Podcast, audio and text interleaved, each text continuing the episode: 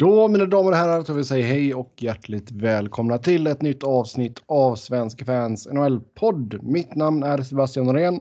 Med mig som vanligt Niklas Wiberg och en tapper Robin Fredriksson. Vi skulle egentligen spelat in igår, Ta men... Tapper skulle han varit om vi skulle spelat in igår. Ah, men alltså jag hade inte pallat att han skulle spy när vi spelar in. Vet du. Jag har svårt för det. Det skulle antingen blivit vårt bästa avsnitt eller vårt sämsta avsnitt. Mm. Jag har Ja. väldigt svårt för det här när folk spyr alltså. Det är därför det antingen skulle vara skitskoj eller jätteobehagligt. Mm. Det blir sån kedjereaktion. Ja, ja, nu är det nästan 20 timmar sedan jag kräktes senast. Så att, eh, hoppas att, vi, att det har lugnat ner sig. Däremot har jag feber, det känner jag absolut av att jag har. Men, eh, ja, Beror det på att du har tvingats sluta dricka Pepsi? nej, jag har fortfarande kvar lager. Men eh, Ja. Det var ju för väl. mm. Ja. man, jag har inte ätit något ordentligt på ja, 24 De timmar. senaste 24 åren, eller vadå? ja, exakt. Nej, men jag är ju typ... Nej, jag har inte ätit något på ett dygn typ. Okej. Ja, vi får se om det blir någon feberyra här från eh, Robin här om man går på någon skön tangent kanske. Eh, vi ska ta och gå igenom det senaste som hänt i världens bästa hockeyliga. Och sen ska vi även ta upp era lyssnarfrågor som har ett stort tack till er som har skrivit in. Först ut så har vi en trade som vi ska diskutera. Eh, där Jack Campbell och Kyle Clifford gick till Toronto. Och i utbyte så fick LA Trevor Moore ett tredje rundsval 2020 och ett conditional tredje rundsval 2021. Hurra! Vad, är du taggad på Trevor Moore eller? Inte det minsta. Men eh, det är ju vad det är liksom. Det är ju... Ja, jag vet inte. Man börjar bli mer och mer skeptisk till Rob Blake alltså. Inte för att jag tror att det var nå skulle bli en jävla huggsexa till, kring Kyle Clifford vid deadline liksom. Men Men jag tror ändå att man... Skulle man inte kunna få någonting för honom? Man är liksom, du vet den här typexemplet på en, eh, en eh, respekterad och etablerad veteran som har ett gott rykte om sig i omklädningsrummet och det är liksom en sån där snubbe som man vinner med i bottom six typ. Jo, men lite så känns det. Han har ju ett väldigt gott anseende. Det är ju, sen är det väldigt många LA-supportrar som har hatat på detta bara för att det är Kyle Clifford som, som rök liksom. Men det är Jo. bara för att de tänker med hjärtat och inte med hjärnan. Ehm, men det är klart att jag hade ju hellre sett att man fick prospects tillbaka än picks. Jack Campbell, alltså att få både Clifford och Campbell. Alltså de får ganska lite för båda de två om man Mm. säger så. Mm. Clifford är en väldigt respekterad veteran som inte har passerat 30 än och som har bra underliggande siffror och så vidare. Och Jack Campbell var ju liksom i fjol väldigt hypad för att han var nästan 93 procent och i Ja. år. Jag menar, det, det pratas liksom om att det inte skulle räcka med liksom Kapanen för att få Georgiev av Rangers och han har inte varit så mycket bättre än Jack Campbell. Nej. Så- Nej, Georgiev har väl eh, lite mer hype kring sig och åldern på sin sida. Men, men visst, alltså Campbell har gjort ett fullt gott jobb med tanke på vad han har för, för spelare framför sig i, i Kings just nu. Ehm, och jag ser väl att han, Ja, kan, gud, han han, kan han kan ju fortfarande bli en uppgradering för Maple Leafs på backup-positionen, det tycker jag. Ja, jag tänkte säga det. det fan, det behöver de alltså. Mm. Fredrik, Ja, Andersson, ja, Fredrik Andersson är givetvis en eh, jätteduktig målvakt. Men eh, de har ju haft problem bakom honom. Ja, alltså Hutchinson han är ju som såg så eh, lovande ut för några år sedan har ju inte funkat liksom. Nej, och jag tycker liksom att Andersen, man har spelat honom alldeles för mycket och sen nu så är han ju dessutom eh, någon lättare skada också. Så. Ja, sen är Här man är väl ju- inte, alltså typ rubrikerna som, som kom att det är liksom Dubas chansar på att Jack Campbell ska rädda säsongen åt honom. Det är ju lite överdrivet. Det är ju Det kryddat. och, Ja, måste ju bara ha en bättre andra målvakt. Det är Ja. Och visst, Ja, alltså, men- man, man kan väl argumentera för att en dålig andra målvakt har ställt till det för Toronto givetvis. Men eh, Det är så små marginaler för alla bubbelagen där liksom. ja, Eh, Och sen blir det ju större för att det är Toronto också. Liksom. jo. Det, hade detta hänt mellan Kings och, ja, fan ska vi ta Dallas till exempel. ja, det är helt sjukt hur, hur liksom, alltså hur mycket media styrt, eh, hur mycket Toronto-fokus det är från mediehåll. Ja, ja. Eh, alltså det är liksom varenda podcast och grejer som hade liksom det här som rubrik. Att liksom Leafs har gjort den här traden och så vidare. Det, eh, Så stor är den inte. Alltså, det är, Toronto Nej. får lite bättre djup. Liksom, det är bra och de behöver inte ge upp någonting som liksom är, är liksom viktigt för dem heller. mm. Så, eh, och sen conditional, eh, det condition, conditional tredje valet 2021, där då var det ju antingen om Campbell hade x antal vinster har jag för mig att det var. Eller om Clifford eh, skriver på nytt med Toronto. Då, då blir det väl ett andra. Jag kommer inte riktigt ihåg. Det struntar man i. Liksom. Ja, Eller man, eh, man struntar i för länge. Liksom. Ja alltså det, och sen det, helt ärligt så skulle det inte förvåna mig för fem öre ifall Clifford skulle signa nytt med LA i sommar. Fast man säger så ofta, men det ser själva. Ja. Jo, men jag, tror- jag tror att, aldrig. jag tror att med han, Aldrig. med den, med honom. så fick- Aldrig? Ja, okej. Har det ens någonsin hänt? Eh, ja, det är klart att det har hänt. Men eh, Ja. Det var tio år sedan sist vi såg det. Eller? ja, vi får se om Clifford blir... Gör det. Men jag tror chansen är god i alla fall. Eh, och visst, det är en skön tror många spel. spelare tänker så när de uh, blir tradade dit. Att så här, jag kan ändå återvända i sommar om det är så. Men sen så här, när de har sett en annan värld lite, då är det så här. Ah, det var inte så jävla bra där ändå. Liksom. Så, Alltså, Det finns verkligen ingenting som talar för att man vill återvända till Los Angeles. Förutom staden Los Angeles. Angeles. ja. Ja, man vet det inte. kan ju. Och så vidare, men... Jo, men han har ju tagit med sig familjen också. Så det är ju inte så att det är, det är ju inte det läget där, där det är som jag har sett vissa andra spelare där familjen stannar där de var innan liksom. Ehm, Det brukar man ändå se när det är... eh, Det tyder ju snarare på att han inte tänker återvända. kanske, Ja. kanske. Sen det är klart att så, jag menar tittar du på Torontos chanser de kommande fem åren kontra Kings liksom, då är det klart att jag hade nog hellre hade spelat i Toronto. Ja, Jag, jag, sätter en del på att han inte spelar i Kings eller i Leafs nästa år. Ja, jag får se. Vi får se, vi får Det är klart att se. det är kul för honom att bli tradad nu. Ja, ja, ja. Det är, Jo, nu får ju säsongen lite nerv för honom igen liksom. Den var ju stendöd med Kings. Mm. Så visst. Kyle Dubas har ju chansat på Jack Campbell tidigare i sin karriär också. När han var med Greyhounds. I OHL. Plockade han in honom och eh, det gick åt helvete. Det vore ju skoj om man ser något liknande nu. Ja. Ja, vi släpper väl den där va? Vi behöver inte lägga mer på den, ty tycker jag. Nej, alltså Eller? Clifford kommer göra nytta. Campbell eh, är rimligtvis en uppgradering på backup-positionen. Men eh, Och sen får bara LA hålla tummarna på att man träffar rätt med draftvalen. Grattis! nej, men alltså det intressanta är ju liksom vi var inne på tidigare att liksom, borde inte LA kunna få ut något bättre för de här två? ja. Och det... Man kan ju också säga typ om Blake att säga ja, men hur enkel situation har han då liksom? Det är ju bara skräp och så vidare. Men samtidigt har vi sett att typ varenda GM har ju åtminstone kunnat riva ner ett lag och få bra utbyte. Mm. Eh, men det svåra är ju att bygga upp igen. Liksom typ Hextall, Tim Murray och så vidare. Eh, men Jo, men samtidigt tycker jag inte att han, han har väl inte riktigt... Det kanske bara jag som är otålig, men det känns inte som att nedrivningen har gått tillräckligt fort. Sen är det ju vissa liksom ankare Nej, att som liksom- har där i typ Quick och Dustin Brown liksom. Ja, men det var att det är så många liksom otradebara spelare. Ja. Det är ju problem, riktiga problematiska. Men vi Men börjar ju se här- trade med Martin. Alltså det borde ändå finnas intresse för Martinez, Toffoli.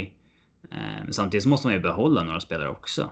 Jo, men där är jag ju lite rädd också. Alltså speciellt Toffoli, där är jag ju rädd att utbytet inte alls kommer att bli något vidare. så svag, eh, ja ett och ett halvt år. Ja, Jag tror att eh, något annat lag kan nog fynda. Den kommer nog få ett jäkla lyft av att byta. Mm. Vad sa ni att något annat lag kan? Kan Få- nog fynda där. lyfta. Att han, eh, hans värde är nog mycket lägre än vad man kan få ut av honom. Vem? The Foley. Ja, det har jag med. Är lite som vi snackade om Granlund eh, häromveckan. Mm. Men jag tror det, det stora problemet med att LA, eh, att det inte händer någonting är väl att det först är mot slutet som de har draftat bra. Ja. Mm. De har ju gått rätt många år där de antingen draftade dåligt eller inte alls draftade i första rundan på grund av trades och grejer. Ja, det, Eh. är, det är ganska... Jag menar, hur... Nu pratar vi om att rebuilden gått segt, men när började de rebuilda egentligen då? Det var ju typ i år. Ja, Alltså det var inför förra året så signade de ju fortfarande Kovalchuk och, och så vidare. Så Ja. att eh, det var ju först i... När de tradade massin egentligen som det var... Man egentligen tog det steget att nu försöker vi bygga om. Och det har inte Ja. varit så länge sedan. och nu har de ändå typ draftat bra i två eller två och en halv drafter. Och ehm, Och sen så eh, Carter och Brown är ju liksom otradebara. Samma sak med Quick. Eh, Ja. Och eh, Doughty och Kopita vill man inte trada. De är fortfarande liksom... Någonstans där de är gränsen liksom. Att, det är som om Anaheim hade skickat Getzlaff så fort de har haft någon av sina så här slumpår. Det, så kan man inte göra. No. Däremot är det ju viktigt att man sätter de här traderna. Jag menar om man kanske inte i alla fall här och nu känns det som att man inte gjorde alltså satte den här traden. Jag tycker att bo, båda de två borde man kunna få bättre för som sagt. Och sätter man inte Toffoli om man inte sätter Martinez eller Martinez, hur man nu vill säga det. Jag vet inte, jag kommer inte ihåg. Ja, Eh. och sen... eh, De känns så jäkla... Liksom inaktiva också med att... Ja, att försöka hitta nytt. Om man liksom jämför med... eh, Om man jämför med Colorados eh, eh, rebuild-år där så man liksom... Man, man, sök, man försökte ju se på skitmånga såna här eh, liksom fancy stats darlings och så här som eh, man försökte liksom fynda i. Men, ja, men som liksom så här eh, Patrick Weirkarch och Sven Andrighet och Jakubov på en så här billig peng och nu Niturskin på billig peng. Burakovsky exakt. och så här. Spelare som man har råd att skaffa men liksom man tog Nemet och Barbero som är också så här två stats darlings. Och, men de, de spelarna kan man ju också hitta och liksom satsa på och sen kanske trada och så. Men man liksom man verkar nöja sig med att kötta på med Trevor Lewis och Jo, Mm. exakt. Det är det, är det som är lite alarmerande verkligen. Och Trevor Lewis är väl också en spelare som jag tycker att man borde, borde försöka skicka nu. Liksom. Eh, men sen är det som du säger, du, någon, fan, någon måste ju spela också. Eh, men det känns som att aldrig, som du säger, lite väl inaktiva. Och sen nu så, alla sitter ju bara och hoppas att okej, men då liksom fan kuppar det eller liksom, ja, Fagemo är ju bra liksom, ja, nästa år. Ja, Så men som att man bara väntar på eh, Ja. ja, den generationen då. Men det, är- det är ju ingen så här supergeneration som är på uppgång heller. Det är, så här, Mm. det är komplementspelare kanske.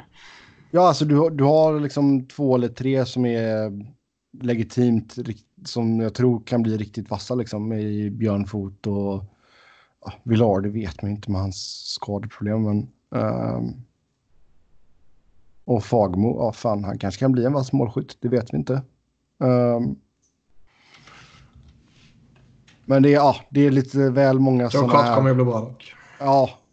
Men det är liksom... är ju, alltså, de två Björnfot är ju de och Kopar är ju de man ska hoppas på. Ja. Akil Thomas kommer väl i hacket under. Mm. Villard, om det blir något av honom, är ju bara ren jävla bonus idag. Jo, det känns lite så. Men man undrar ju lite liksom det här att Abs, som, som du nämnde, känns ju som att de har lite fancy stats eh, eh, kompatibla folk i ledningen. Mm. Men LA har ju gått lite, de har ju tagit in lite veteraner de sista säsongerna. Mm. Och de har liksom typ inte funkat. Kowalczyk och Faneuf och allt vad fan det har varit. Har man blivit typ skrämda av det? Och konstaterar att nej, vi väntar ut det vi har på gång. Alltså, jo men grejen är så här som, som Robin säger, liksom, om du ändå ska vänta in de här, då kan du ju ta chansningarna på de billiga liksom, rebuild-projekten. Liksom. Det har varit många på waivers som så här Martin Förk och sådana. Sådana kan man ju satsa ja. på. Ja, jo, jo alltså var, varför Förk är nere i Ontario, det är varför liksom. Det... Men, men. Vi får väl se om det händer någonting. Någonting mer borde i alla fall hända King, Kings. I alla fall till Foley och... Mar ja, Martinez har ju ett år kvar, men det är ju, det är ju inget dåligt kontrakt. Det är fyra miljoner liksom. Nej, men han är ju allra högsta grad tradebar. Han kan man ju få ja. någonting för. Toffoli ska man ju få någonting för. Skulle man retaina 50% på Toffoli då tror jag det kommer att vara jätteintresse för honom. Och jag tror att går man efter honom tror jag absolut man kan se någon, någon liksom kalla det Kowalczyk-effekt. Man kommer bort från eh, misär, jävla eh, miljö och omgivning i LA och tar plötsligt fart igen. Jo, men det tror jag absolut. Ja, det, miljöombyte för honom tror jag kommer göra jättegott. Uh... Sen Trevor Lewis kan man säkert få någonting där. Men för Toffoli så vill jag ju, där vill jag ju fortfarande ha, alltså om, om det skulle vara jag som var GM, där vill jag ändå ha en ordentlig prospect i utbyte. Jag vill inte ha, det är ingen idé att de samlar på sig mer draftval. Om det nu inte skulle vara så att någon... Det är alltid bra. Någon slänger upp första val. De senaste två åren. Alltså jag skulle... Eh, det kanske bara är flytt givetvis. Eller så har de gått och blivit bra på att drafta. Då är det ju intressant att samla pix igen. De har redan samlat lite till den här sommaren och kan man få jo, in... men jag vill ju inte ha till tredjerumsval och någon jävla skitspelare som heter Trevor Nej, men vad fan kan man få in första val eller andra val så börjar det plötsligt bli intressant. Och jag menar jo. samla på sig massa i andra och tredje rundan och börja byta upp på grejer. Det kan ju vara väldigt intressant också. Ja. Skitkul på draftdagen när man har så mycket draftval. Mm. det, är, det är verkligen kul. Ja. Yes, yes. Vi eh, tar och går vidare. Columbus har signat uh, två nya kontrakt. Uh, Nathan Gerby, tvåårsförlängning, 750 000. Dean Kukan. Också två år, men 1,65 miljoner på honom. Ja, det är två bra spelare. Nathan Gerby tycker jag faktiskt lite mer permanent borde spela i NHL än vad han har gjort. Uh, så att det är en, en bra deal. Dean Kukan, ja det är en bra 56 back. Och ja, Columbus i allmänhet har ju gått eh, oförskämt bra får vi säga ändå. Visst, nu förlorar man senaste matchen, men... De måste ju krascha snart alltså. Ja, där gör de ett bra jobb. Um... Det är så fruktansvärt orimligt att det här håller i sig. Så det borde... De borde gå tillbaka alltså. Bro, vad menar du? Du tappar Bobrovski, Duchene, Panarin, du tar in Nyqvist. Du har två jätteoprövade målvakter. En av dem visar lite bra tendenser, blir skadad. Då kommer nästa kille in, var lite halvskakig i början och sen så fan spikat igen, vad är det, fem gånger redan. Ja, och liksom det kan ju inte fortsätta. Även om eh, Elvis Merzlikins är en duktig målvakt och liksom talangfull så det är helt orimligt att han fortsätter spela på den här nivån givetvis. Och frågan alltså är bara... bara... Nej, alltså han kan ju vara nästa Hasek, det vet man ju inte. Alltså som kommer in vid 25 års ålder och är svinbra. Men visst, det... men det är orimligt och osannolikt. Ja visst, men alltså Fredrik Andersen kom ju också in i NHL liksom sent och så. Här. så det, där kan man ju. Där kan man ju bara träffa jävligt rätt helt enkelt. Jag vill mer förvånad, alltså de har ju inte. De har ju inte några offensiva superstjärnor för att hålla i det här. Och det, ja. det är det som märks över tid, tycker jag. Um, visst, Dubois och Nyqvist typ. Men Nyqvist är mer en komplementspelare och sen ja, det är ju bara Dubois alltså, som är en liksom, eh, riktig första linare. Man kan väl lyfta Cam Atkinson också, men eh, han har inte haft den säsongen i år som tidigare och eh, han känns som man kanske behöver spela med någon sådär. Mm. Det är mer en komplementspelare som gör 30-40 mål med en stjärna. Eh, än att eh, göra det på egen hand. Så att, eh, nej, men det är, det är imponerande. Mm. Mm. Fruktansvärt upprörande att uh, Flyers har mer poäng än alla lag i jävla skit Pacific. och är utanför slutspel. Ja, Pacific är ingen eh, stark division. Nej, man blir arg när man tittar på tabellen. Det... Mm. Men liksom om två år så kanske det är Pacific som har alla mer poängen. Jo, jag vet. Liksom. Det där svänger jävligt snabbt. Jo, jag vet. Men eh, nu påverkar det mig negativt och därför är jag arg. Mm. Om vi hade fått frågan inför säsongen. Liksom, säg fem lag som ni kan garantera går till slutspel. Du måste garantera dig på fem lag. Och har man fel så blir det något superstraff liksom. Eh, Två, två av dem är ju utanför slutspel idag. Ja, San Jose hade man ju sagt. San Jose och Nashville säger man ju, utan att ja. tveka. Förmodligen Vegas. Vegas skulle man nog sagt ja. Och de är, har länge varit och dansat på, på gränsen. Och är väl det fortfarande också egentligen. Man hade ju sagt Tampa. Ja. Sen mm. kanske... Man hade ju varit lite liksom osäker med Washington, Boston. Eh, någon av dem måste ju kanske falla snart. Liksom åldrande. Liksom det som San Jose har hänt med San Jose i år. Ja, man. man. kanske skulle sagt Toronto. Mm, de är också på gränsen. Mm. Det, säger, det säger en del om hur jävla... Liksom hur, hur jämnt och oförutsägbart det är. Och liksom om man skulle lovat att något lag inte går till slutspel, ja då hade man ju förmodligen sagt Kings och så. Men man hade nog ändå lyft upp Vancouver som en av de som man absolut inte såg som ett slutspelslag. Mm. Men det gör man ju typ fortfarande inte. Nej, men de leder sin division. Ja, jag vet. Islanders har ju fallit rejält. De är liksom... Ja, de kändes ju typ klara för inte så länge sedan. Ja, och det vore givetvis jätteskoj om de bara kraschar ut. Ja. Uh, oj, hostig, hostig. Ja. Sen så har vi fått uh, rapporter om att Dustin Bufflin och Winnipeg uh, kan komma att riva kontraktet. Mm. Ska det bli en så här trend det här? Att man river sitt kontrakt för att kunna bli UFA? Ja, det känns väl lite så. Det är ju dock intressant här, för det här är ett litet annorlunda fall. Det här är ju inte bara...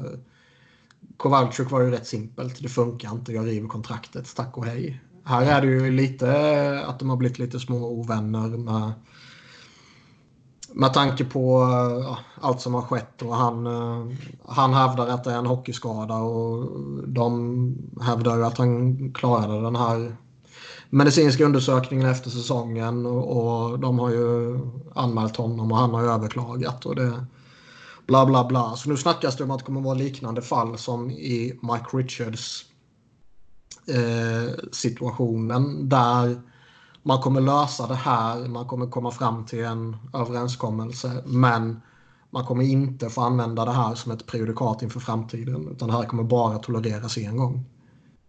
Vilket ju är alltså det som vi sa där och då med Richards att liksom varför tillåter du det en gång och förbjuder det liksom? Förbjuder det direkt eller tillåter det för alltid liksom?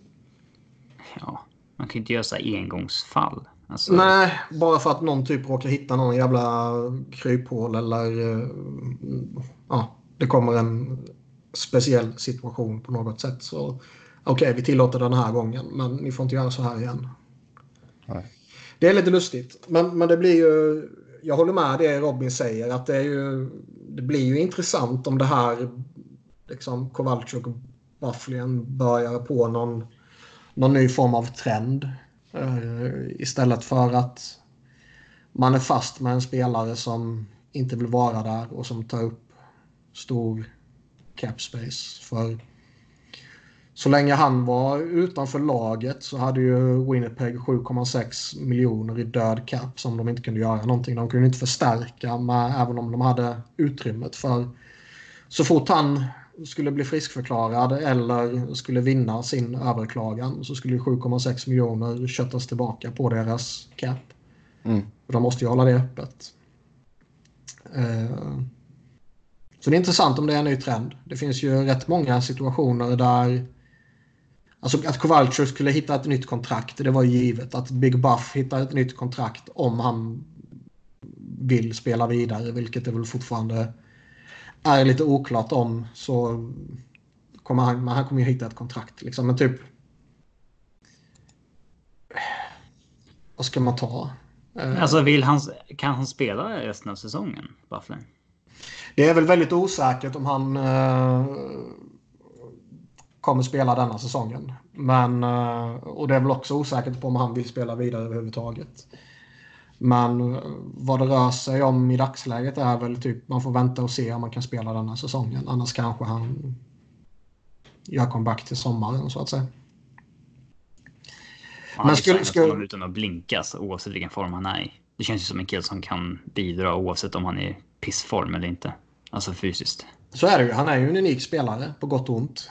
Och eh, med sina fysiska förutsättningar och allt vad det innebär då.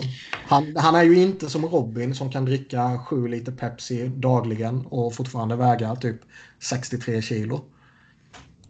Uh, Big Buff har ju rätt lätt för sig att, lägga på sig lite. Och man har ju signat honom ba, alltså bara för att ha honom för att förmå i PP i princip. Man hade ju signat honom bara för möjligheten. Däremot mm. så han har ju fortfarande inte klivit på, på is ännu. Så även om de river kontraktet ikväll så eh, är det förmodligen så att han har en bra bit att gå innan han eh, är comeback-aktuell om han bestämmer sig för att försöka spela denna säsongen. Mm. Um, men visst, det kan vara ett sånt läge där man liksom kan... Eh, alltså... Har man en spelare som är långtidsskadad och typ är inte aktuell för comeback förrän slutspelet så kan man ju peta in Big Buff och bara ha honom sittandes. Men känner ni att, säg att de skulle bryta här nu då.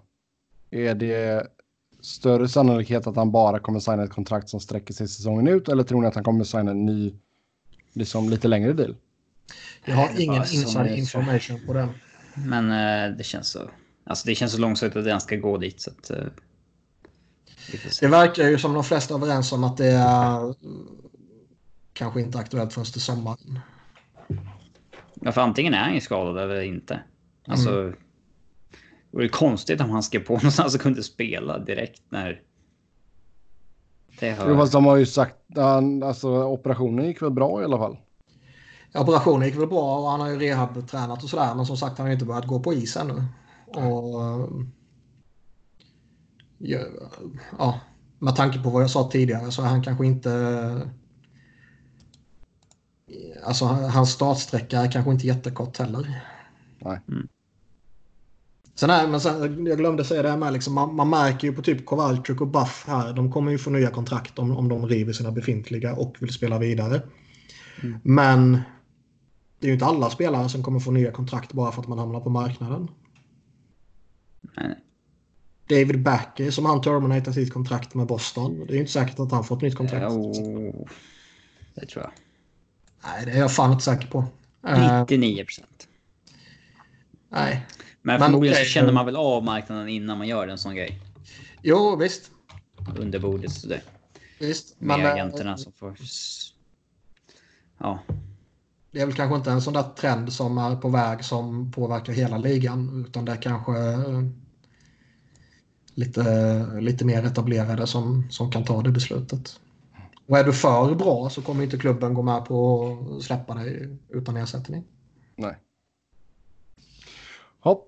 Eh, när vi ändå är inne på Winnipeg så uh, ska det surras om att man kan tänka sig att offra Kyle Connor och att Colorado och Bowen Byram kan uh, vara ett alternativ.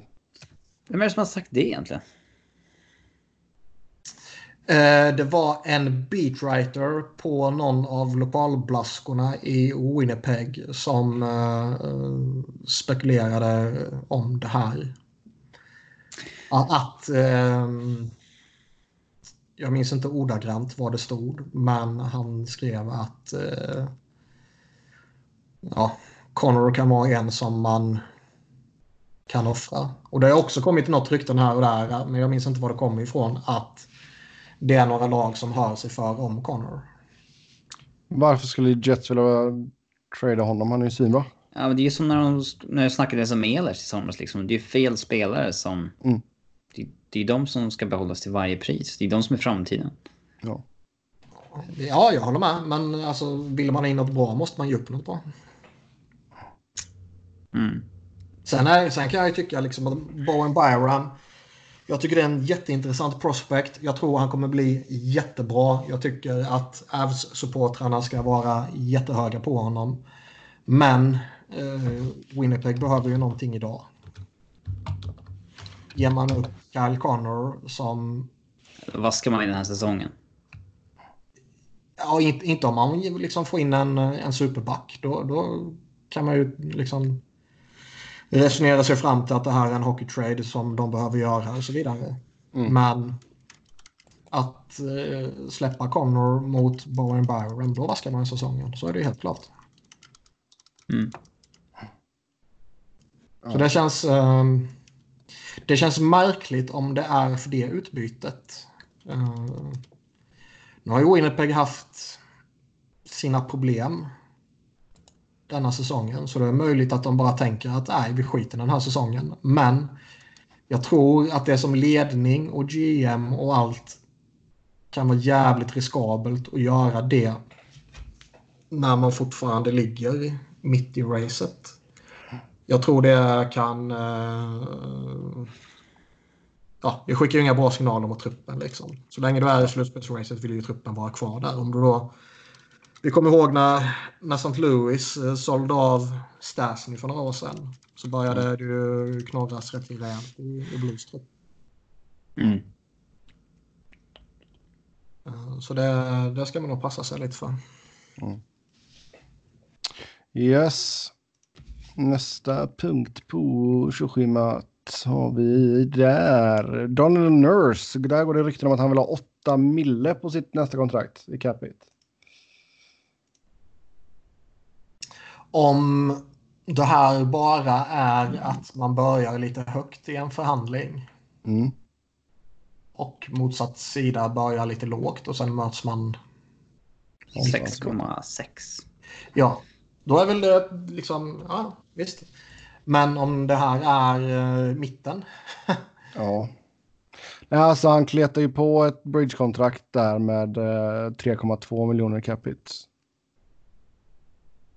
Alltså Så jag hans- han är en bra back. Jag tror han kan vara en, en eh, liksom betydande del av Edmontons framtid. Men jag ser ju inte honom som en toppback. Han har en rätt bra bit att, att gå för att bli det tycker jag.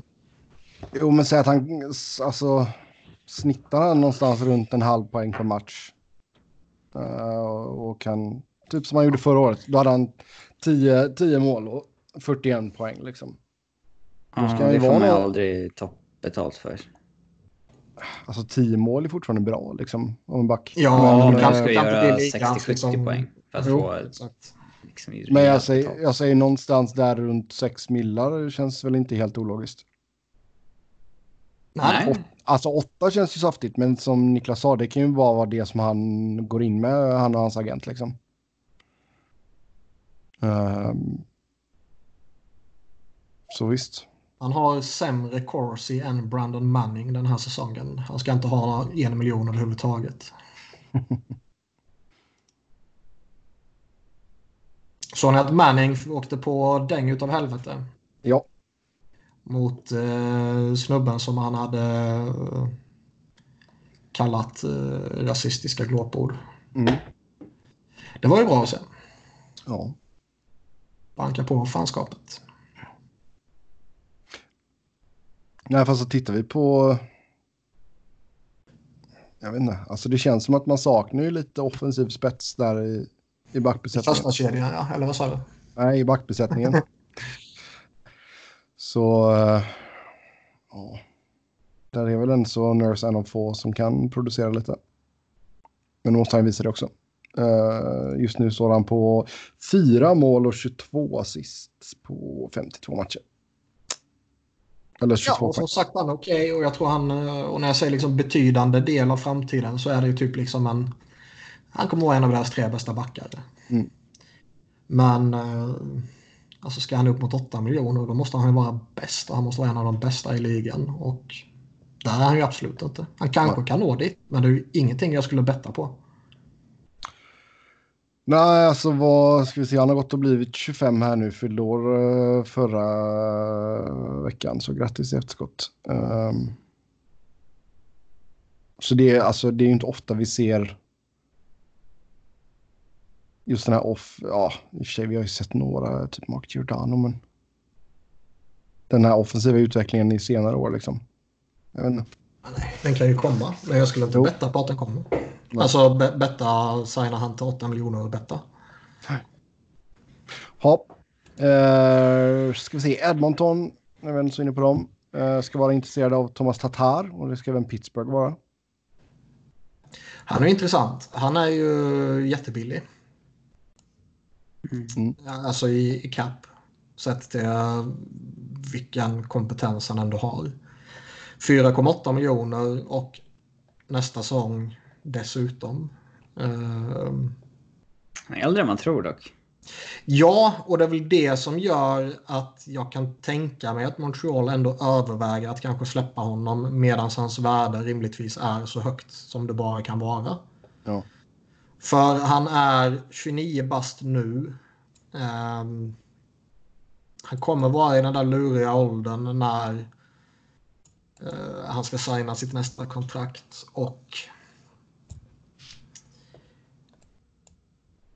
även om han varit bra i Montreal och han liksom tidigare har visat någonting i Detroit så har han ju aldrig varit någon superstar. Nej, nej. Och jag skulle vara skeptisk till att signa han på ett stort och långt kontrakt som 30-åring. Ja. Alltså han har ju verkligen visat framfötterna denna säsongen. 49 poäng på 54 matcher, 20 baljor. Um, Sen är det så... ju, det är ju liksom ofta, vi, vi, kan ju sitta här och vara resonliga och, och, logiska och så här. Men det är ju inte jätteofta det faktiskt sker ute i verkligheten att man är så känslokall att man bara släpper en spelare för att han börjar bli gammal. Utan oftast är det ju, känns det som, att man börjar signa några kontrakt. Jo, och jag skulle inte bli ett dugg förvånad om det sker här såklart. Att man behåller honom och signar honom så fort man bara kan.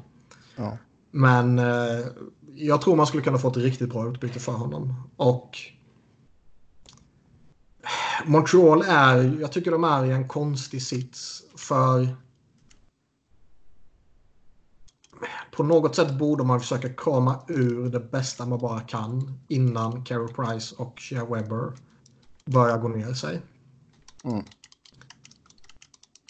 Jag tycker liksom så länge man har de två och så länge man har investerat så mycket i dem så man kan liksom inte börja rebuilda nu.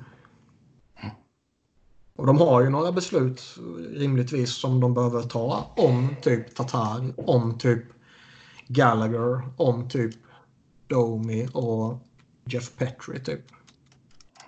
Några sådana där spelare och, och säkert något till som jag Dano typ och ytterligare någon som jag kanske glömmer.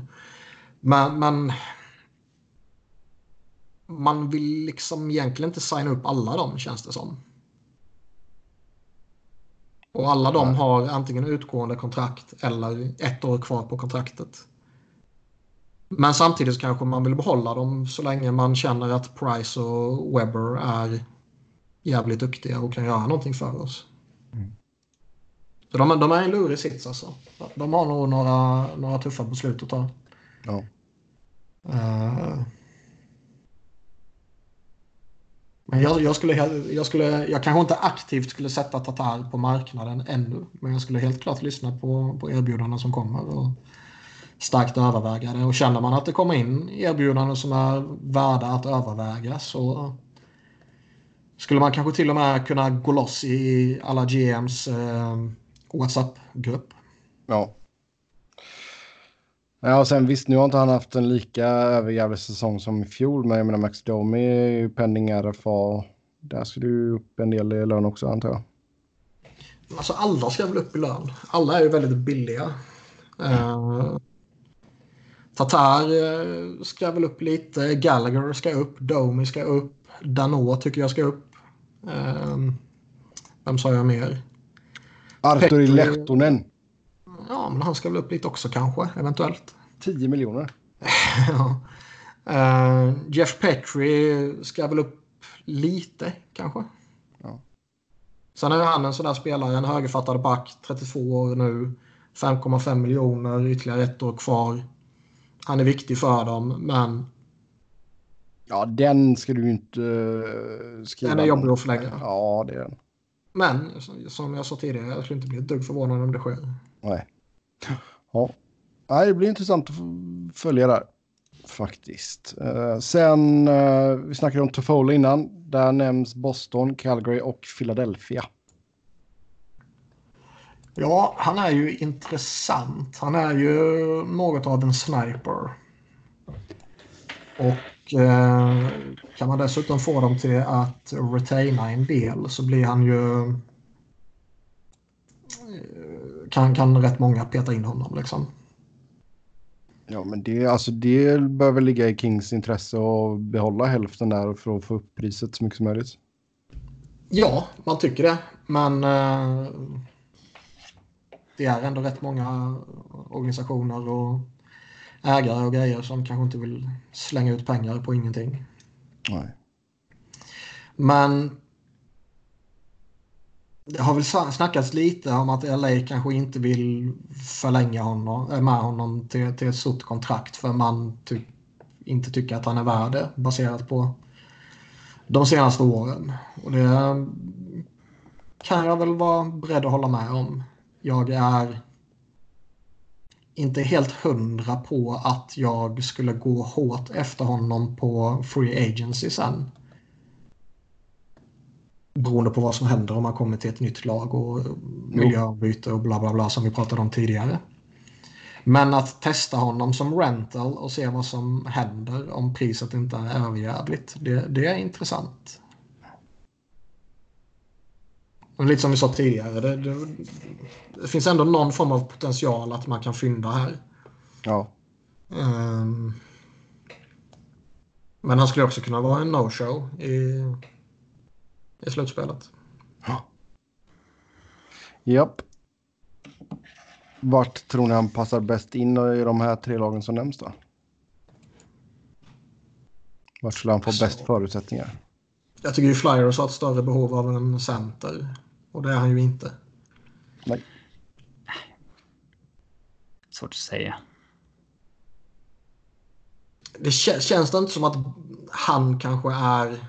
Det, det, känns som att Boston har något annat namn eller några andra namn som...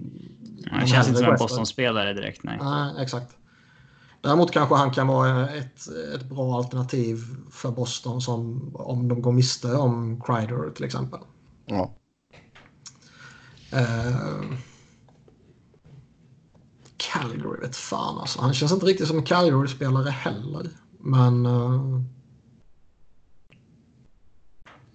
ja, det är klart det skulle vara intressant. Mm. Ja, och sen när det kommer till Alec Martinez så är det Nashville, Florida och Vegas. Alla vill ju ha en topp 4-back. Uh,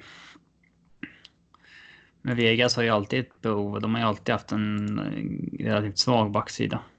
Um, så Carolina han... ryktas ju här också. Mm. Ja, men där hade han gjort ett... Den har passat in bra i Vegas tror jag. Florida har ju sagt, det har ju Dale Tannen själv sagt att eh, de vill gå efter en back. De vill ha en back som kan spela med Ekblad. Och då får man väl rimligtvis anta att det rör sig om en veteran som de vill ha. Mm. Mm. Och kanske en specifik spelartyp också om man tänker på den här klassiska stereotypen som man sätter in jämte en yngre spelare som man väntar på ska ta nästa kliv liksom. Den är väl inte i Ekblad längre va? Ja, man väntar väl på att han ska ta ett kliv till. Ja, men är han ens ung längre? Ja. Yngre. Ja. Han är ju inte gammal liksom. Han, han är ju inte fullt etablerad, det är så jag menar. Snarare. Och där kan man väl någonstans peta in uh, Martinez då som någon form av stereotyp som spelare typ.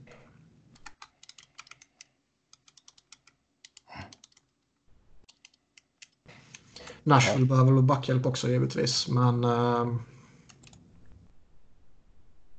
alltså man, jag kan inte tänka mig att Nashville börjar sälja av om de verkligen inte är helt avsågade.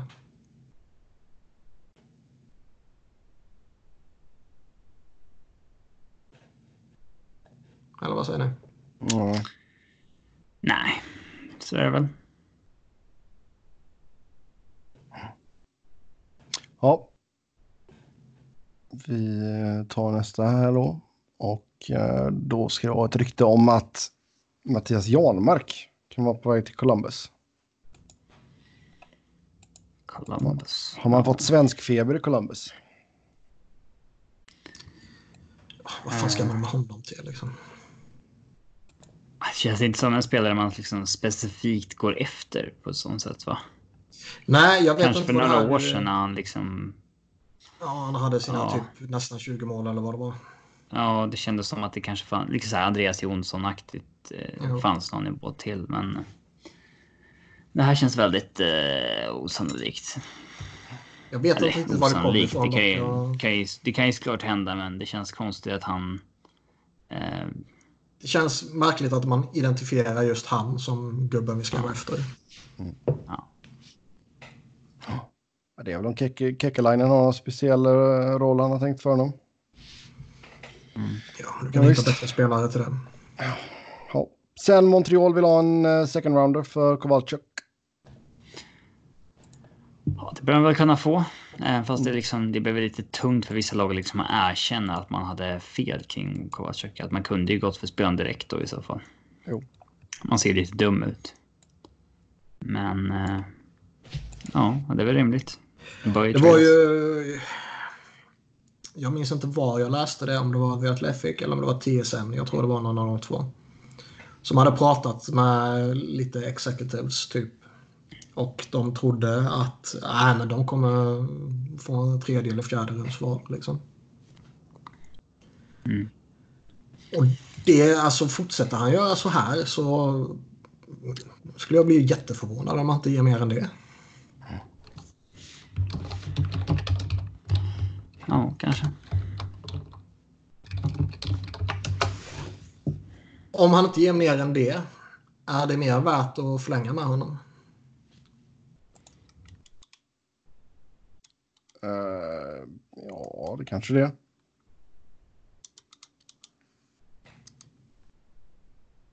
Nu ska det nog mycket till till om han ska vara point per game. Alltså resten av säsongen och nästa säsong och så vidare. Men han verkar ju vara väldigt uppskattad i Montreal.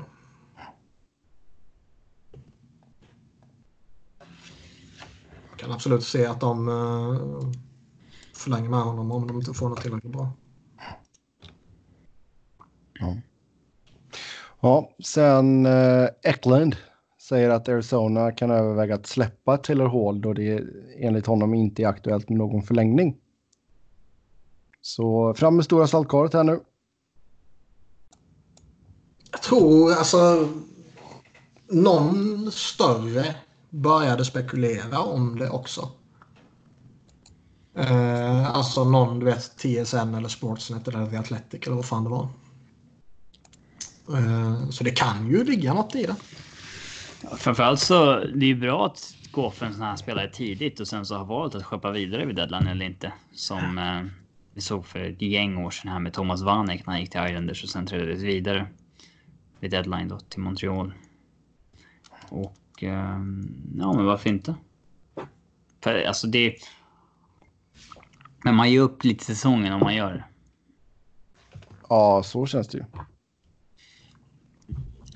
Man har ju börjat få lite problem.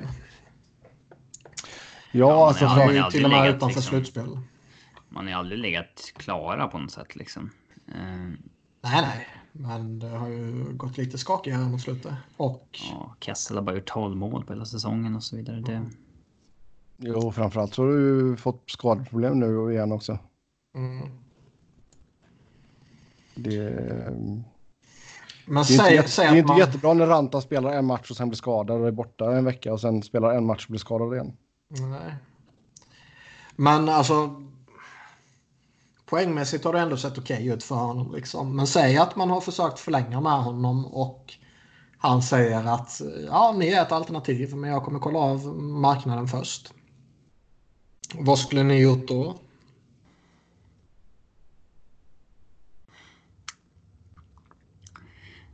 Nej, jag hade nog behållit honom och försökt ta den där slutspelsplatsen. Mm.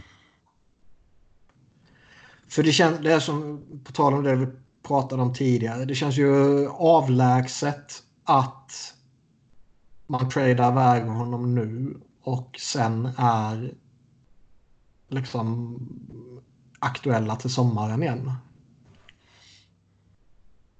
Ja, ja nej. Det, det känns ju som en jättekonstig situation. Mm. Men visst behåller man honom och han gör succé, man tar slutspelsplatsen, man går långt in i slutspelet, han gör avtryck i slutspelet. Ja, då kanske han kan tänka sig att stanna liksom. Mm. Ja, liksom, mm. jag tror jag, alltså nu, nu har de ju de finansiella musklerna också att slänga upp ett uh, ordentligt kontraktsförslag till honom också liksom. Eller inte. De kan ju åka på sju helvetes böter här om det vill sig illa. Nu tror inte jag det kommer ske, men... Det är, han äh, säljer bara några fler pizzor så det är lugnt. de anklagas ju för att ha, vad heter det, testat eh, prospects utan tillåtelse, fysiska tester.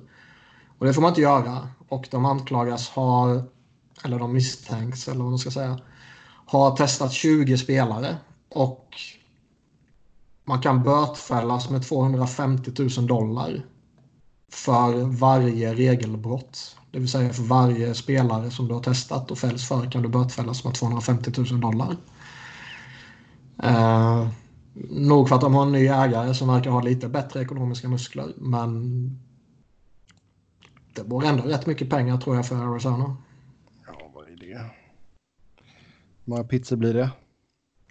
Många jävla pizzor. Ska se, om, vi, om vi tänker att en pizza, vad kan den kosta? 15 bucks kanske i snitt.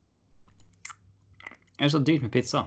Ja, ja. alltså det, det är så jävla sinnes. Du vet. Man tänker alltid så här, liksom när man växte upp, kolla amerikanska tv-serier och så här, alla beställer hem pizza och du vet så här, man tänker fan det måste vara svinbilligt.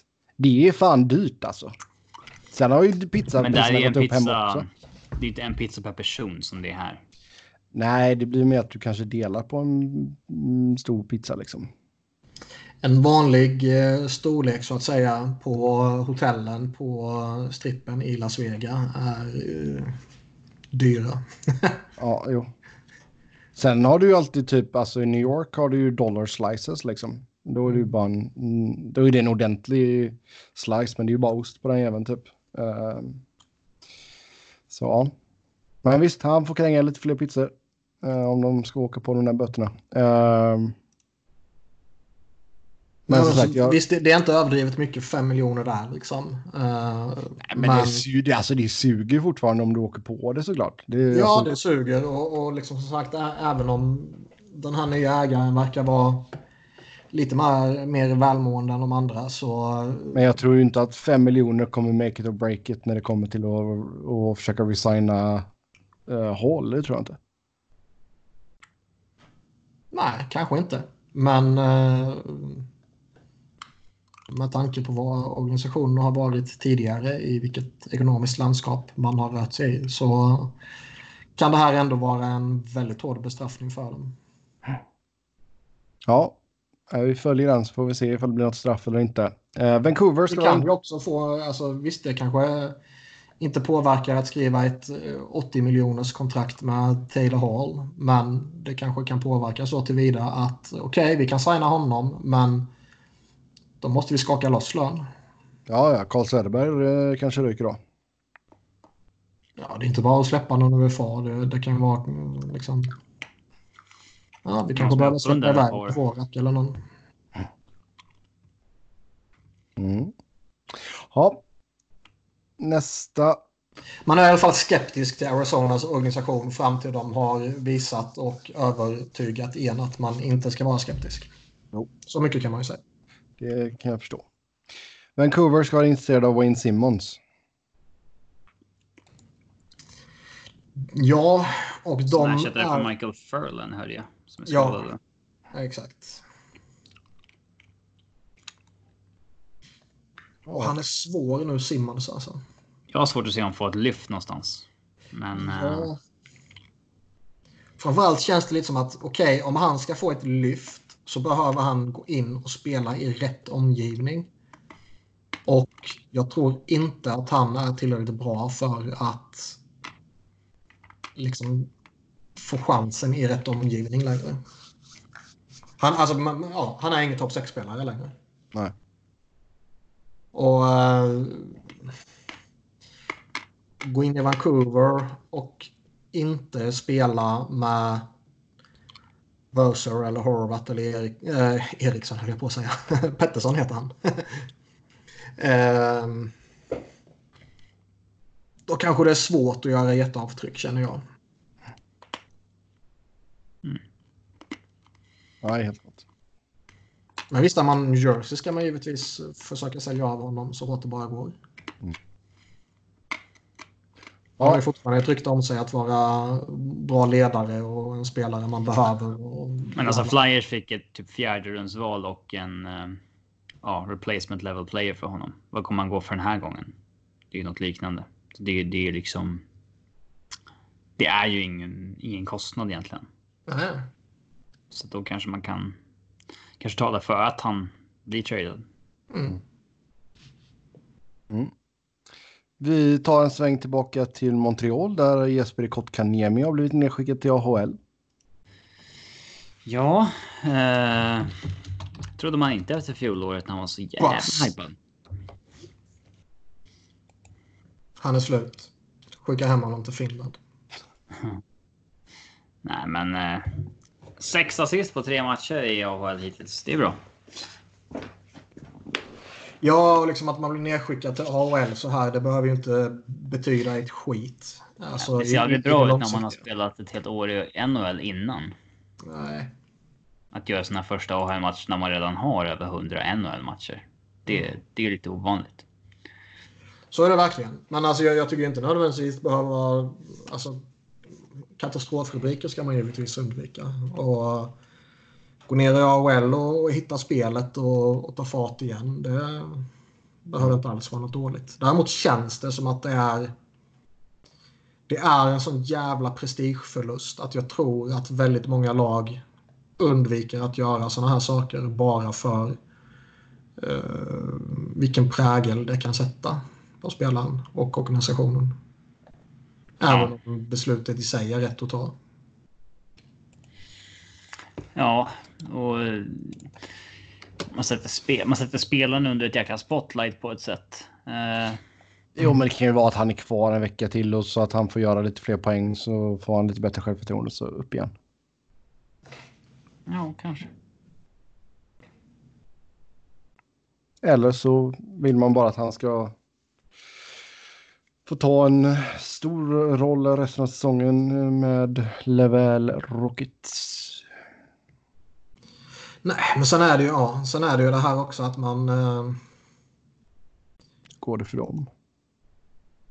ja, ingen aning. Men, sen, vi alltså men det är liksom att man... Eh, Vi struntar i det sen. är helt ointressant. Nej då. Jo.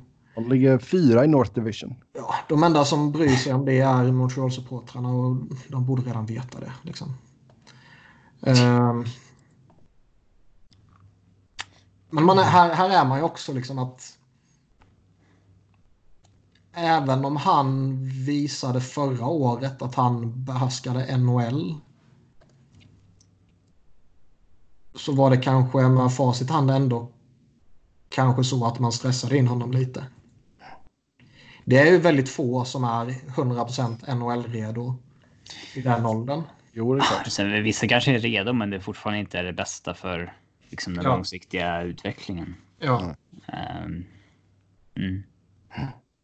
Vilka ligger sist i AHL? Kan ni, ni få Tucson ett kanske? Nej, de toppar Pacific. Fina Tucson. Fina Tucson Ro- Roadrunners. Jag har ingen aning. Så. Nej, det är San Jose Barracuda. Ah, okej.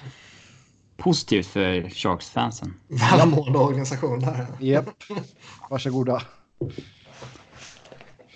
Ja. De, har haft, de har haft jävligt kul i 10-15 år så att man ska inte tycka synd om dem. Nej. Och på tal om San Jose så Joe Thornton passerat 1500 poäng. Jag blir upprörd Nej, sluta nu. Nej, med tanke sluta på nu. Hur mycket hype det har varit kring att Alexander Ovechkin nästan har gjort 700 mål. Ja. Men typ Han- ingen pratar om Thorntons 1500 poäng. Jo då. Nej, jag, ty jag tycker det är... giv- Givetvis är det folk som pratar om det. Det är inte så jag menar. Men Skillnaden är att Ovechkin har ju passerat typ 3-4 personer på mållistan inom en vecka. Visst, men, men folk pratar liksom som att oh, han är nästan på 700 mål. Vilken sjuk bedrift. Ja, det är det. Men fan, koncentrera på hans 700 mål när han har passerat 700 mål. Ja, men det som det har varit en hype är Thornton har, fått alldeles, Thornton har fått alldeles för lite uppmärksamhet för att ha passerat 1500 poäng. Det är väl för att Ehm, Thornton inte är het och San Jose inte är heta utan han liksom kravlar sig över 1500 poäng nu. Jo, jag vet. Jag säger, jag, säger, jag säger inte att jag eh, inte vet varför det är så. Men jag är upprörd för att det är så. Ja. 14 Mm. spelare har gjort över 1500 poäng. Mm. Ja, det är en jättebedrift liksom. Ehm, och visst, nu har han spelat längre än många andra gör. Och eh, man får väl anta att det här är sista året, men man vet ju aldrig. Nej. Och... Eh, nej, I och med att Sharks är så dåliga så känns det ju tyvärr så. Ja. Eh, han skulle ju kunna klättra ytterligare några platser om han spelar i en säsong till. Han har ett 30-tal poäng upp till både Paul Coffey och Marco Recchi. Men ska han in på topp 10 så behöver han spela i bra många år till. Känns det som. Mm. Eller bra många, två, tre. Ja. Och det lär Ja. ju...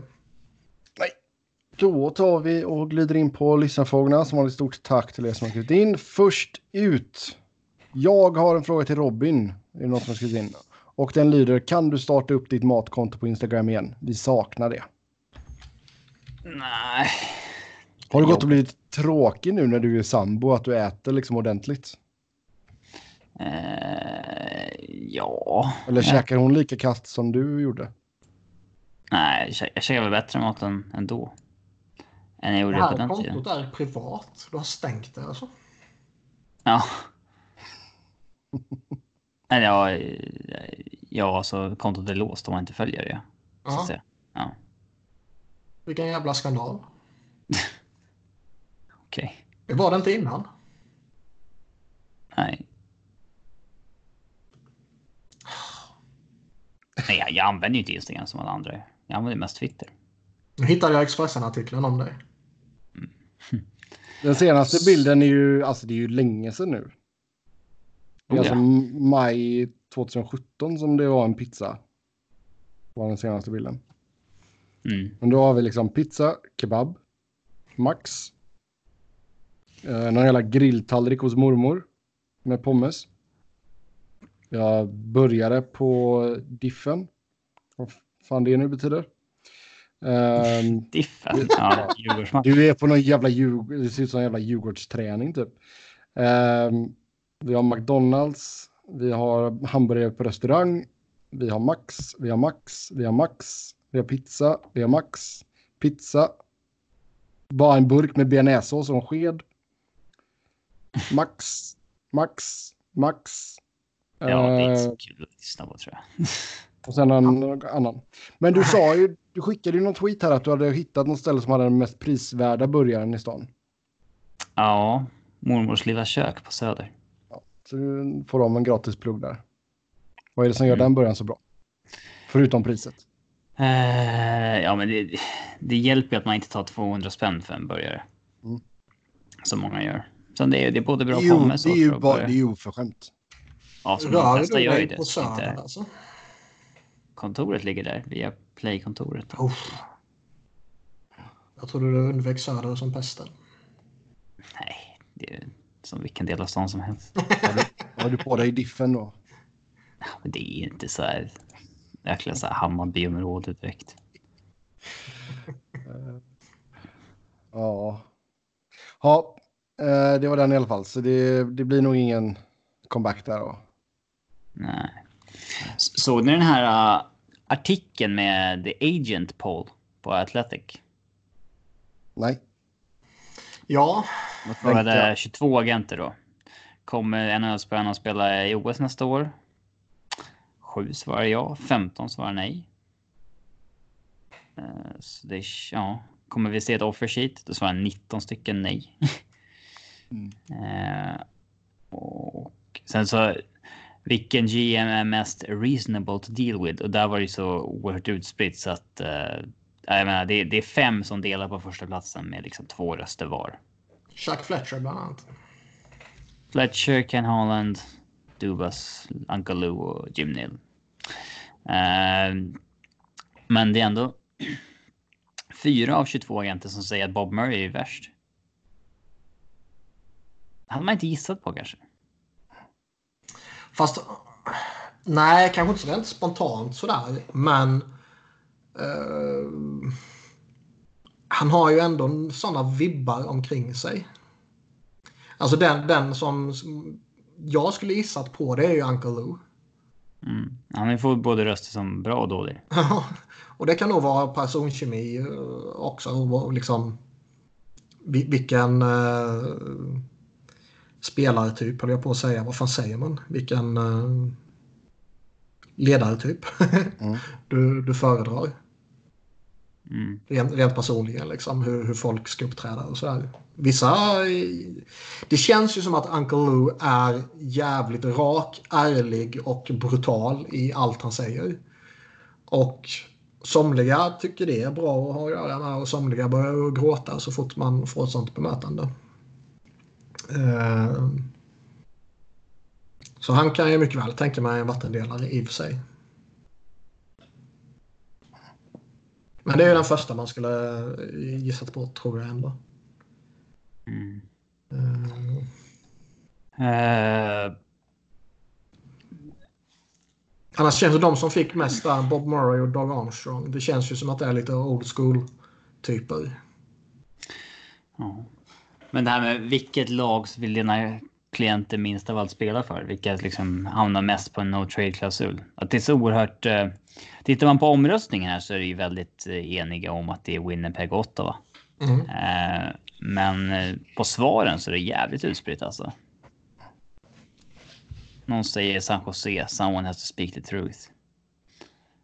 Eh, Florida because of how they treat their players. Mm. Toronto, the impression is you can't miss a pass in practice without being questioned about it afterwards. I can't tell you why, but I have just had a lot of guys tell me I'm not going to fucking Buffalo. Eh, mm. Men det är också oh, Montreal because of the taxes, säger någon. Det är, ju Ottawa because of the owner. det är ju fascinerande att inte ens McDavid har gjort Edmonton till liksom... Det är några agenter som säger att det, det börjar ändras lite för att just McDavid och Dreisaitl och de, de är bra nu liksom. Och de har Visst, nytt absolut. Men det är fascinerande att det inte har hänt ännu. Nej. Fortfarande sju agenter säger eh, Edmonton. Mm. Och inte en jävel vill till Winnipeg. Det, det kommer ju aldrig förändras. Men en agent säger att eh, det är lite överdrivet det där, för alla som spelar där verkar trivas jävligt bra. Men det är så här, man, man vill kanske inte dit om man är någon annanstans, men väl där så trivs man förmodligen. Mm. Ja, vad tror ni då? Tror ni att det kan bli någon uh, OS-hockey eller? Nej, jag vet inte. Om NHL eh, märker att de kommer tjäna pengar på det så tror jag absolut att NHL kan tänka sig spela OS-hockey. Eh, I synnerhet så kommer NHL inte vara redo att eh, alltså tappa pengar på det. Mm. Går, är det någon vad ska man säga, blir det någon plus minus noll affär då kan jag tänka mig att nu de behöver argumenteras fram och tillbaka rätt länge och det kan bli utdraget. Men om de hittar en lösning där det tydligt är så att NHL kommer tjäna pengar på det, då, då kommer de givetvis gå hårt för det. Ja. Men... ehm, ja, jag vet fan. Jag... Jag vet inte om jag ens vill det. Jag har tappat jättemycket intresse för eh, internationell hockey.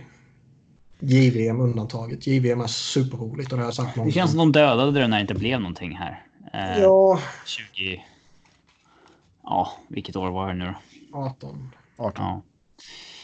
Det känns som de... Ja, Dödade Cup liksom. var så jävla avslaget rätt igenom. Ja. Eller ja, Team North America undantaget. Ja, men samtidigt var det- det det som var så plastigt med det att det inte gick att Ja, ta på allvar. Det absolut värsta med hela skiten var det absolut bästa med hela skiten.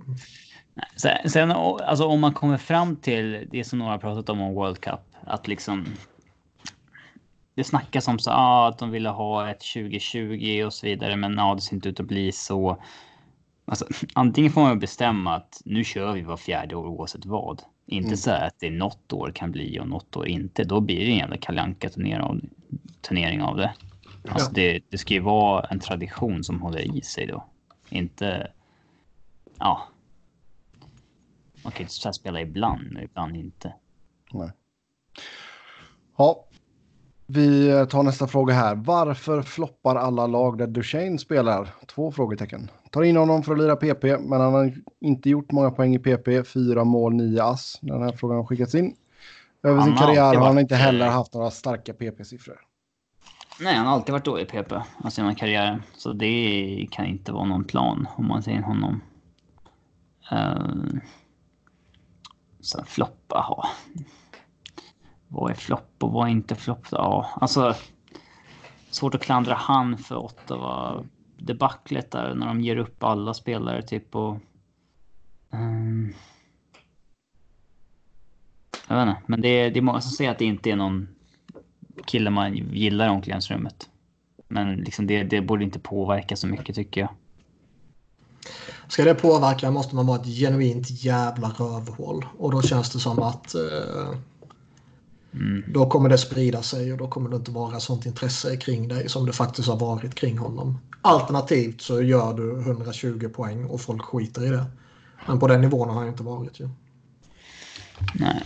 Nej. Vi har en annan fråga här och det är varför har Preds kört fast? Spelarna har genomgående dalande kurva. Johansen, Rinne, Arvidsson, Turris med flera. Preds är ju faktiskt en av eller den störst, det största mysteriet den här säsongen. Det är väldigt jämnt i ligan liksom. Det är inte... Det är inte så jävla konstigt. Det finns inget lag som har så här överdrivet eller liksom överlägset bättre lag på pappret. Så att... eh, Det... Jag tror de, de led ju givetvis lite av att de skickade bort PK Subban eh, och Dante Fabro inte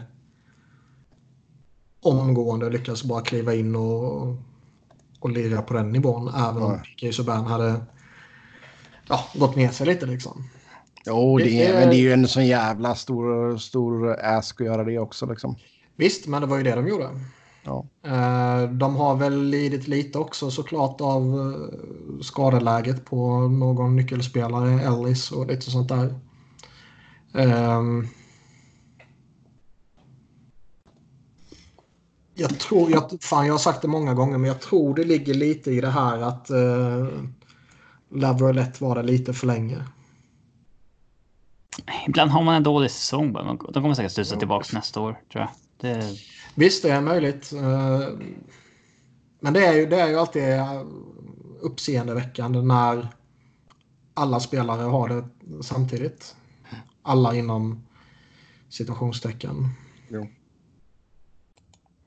Ehm, Men de är så jävla svåra. Det, jag, jag tycker det är skitsvårt att sätta fingret på det. Visst, eh, man kan titta på målvaktsstatistik och hela skiten liksom givetvis. Men jag tycker ändå det är svårt att sätta fingret på det. Jag blir inte riktigt klok på att... Alltså målvaktsgrejen är ju väldigt avgörande. Mm. det är ju skillnaden på att ligga komfortabelt på en slutspelsplats eller strax utanför som de är nu. Så är det givetvis, men uh, det finns liksom ändå spelare som vars produktion kanske inte nödvändigtvis skulle påverkas jättehårt av att målvakterna är lite skakiga. Nej, men har de någon spelare då som är liksom... Alltså vars produktion är enormt mycket sämre än väntat? Kanske inte enormt. Det är väl kanske ingen som har floppat sådär eh, chockerande. Även om man kanske, kanske vill sätta in Granlund där. Men är det inte en del som är lite sämre än vad de kanske borde vara? Ja, Duchene ska väl ha 8, 9, 10 poäng mer. Ja, uh, liknande. Jag tycker ja. Arvidsson ska vara lite bättre. Granlund ska vara lite bättre. Fabro var vi inne på tidigare. Han ska vara lite bättre liksom. Så det finns ett, ett gäng sådana. Samtidigt har de fått mer än väntat av typ Bonino. Ja. Josie har ju pissat in poäng också. Så. Men visst, ja, jag tycker ja. Det är så jävla svårt i Nashville. Målvaktsspelet är stora boven. Så är det dock. Mm.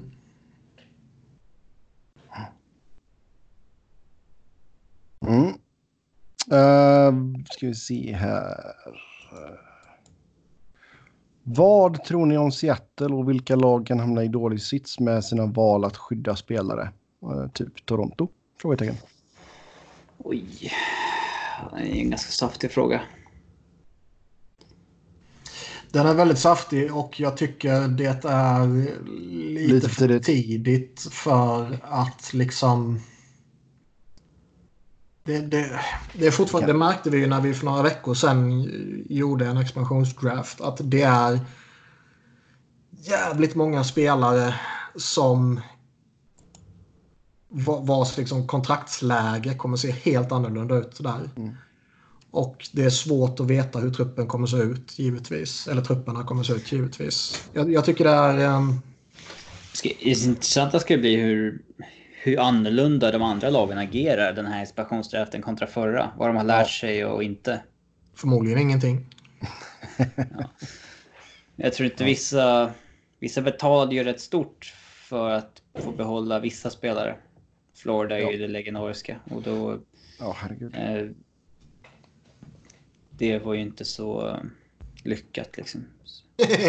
Jag tror många kanske bara... Alltså låter låter Seattle, men ta en spelare då, ta vilken ni vill. Vi tänker inte hålla på att betala första rumsval och en bra spelare för att ni ska ta en specifik spelare av oss, utan... Eh... Nej, jag håller med. Det, det, borde vara så. Samtidigt så är man eh, skeptisk till kompetensen hos ligans GMs. Eller så är det så få som gör det nu att de liksom eh, Seattle vill ta de där chanserna att få ett par första val för att ta ett par dåliga kontrakt. Mm. Oavsett vilket så kommer ju Seattle inte vara, kunna vara i närheten av att motsvara Vegas framgångar. Nej. Sen kommer de också gå in och få någon sån här jävla dundersuccé i början. Mm. Ja. En gång är ingen gång, men liksom, tänk om det skett två gånger i rad. Vilket jävla underkännande det är för resten av ligan. Alltså, kommer ni ihåg hur lång tid det tog för Minnesota och Columbus att liksom överhuvudtaget inte bara vara slagpåsar? Ja. Det... Eller Nashville när de kom in i ligan liksom. Ja, alltså historiskt sett så har det ju det är väldigt få lag som har kommit in och gjort det bra direkt så att säga. Uh, ska vi se. Ni har säkert pratat om det förr, men hur ser ni på fighting i NHL? Finns det fortfarande plats för det? Det är väl som det är nu. Det är väl okej, okay, tycker jag. Uh, målvaktsfighterna är ju sjukt coola. Det kommer man ju inte ifrån. Det, det är, jag, jag, är skeptisk till fighterna. Jag tycker inte fighterna hör hemma i ligan längre. Uh, I synnerhet inte sådana här stage fights som är... Nej, eh, stage fights kan man ju verkligen... Som liksom baseras på någonting som hände fyra månader tidigare. Lägg ner skiten bara liksom. Jag tycker också det är tramsigt att hålla på och fightas eh, efter en fair tackling. Men eh, där kommer aldrig spelarna i heat of the moment kunna bedöma vad som är en fair tackling och inte. Nej, givetvis. Men jag kommer ändå tycka det är tramsigt.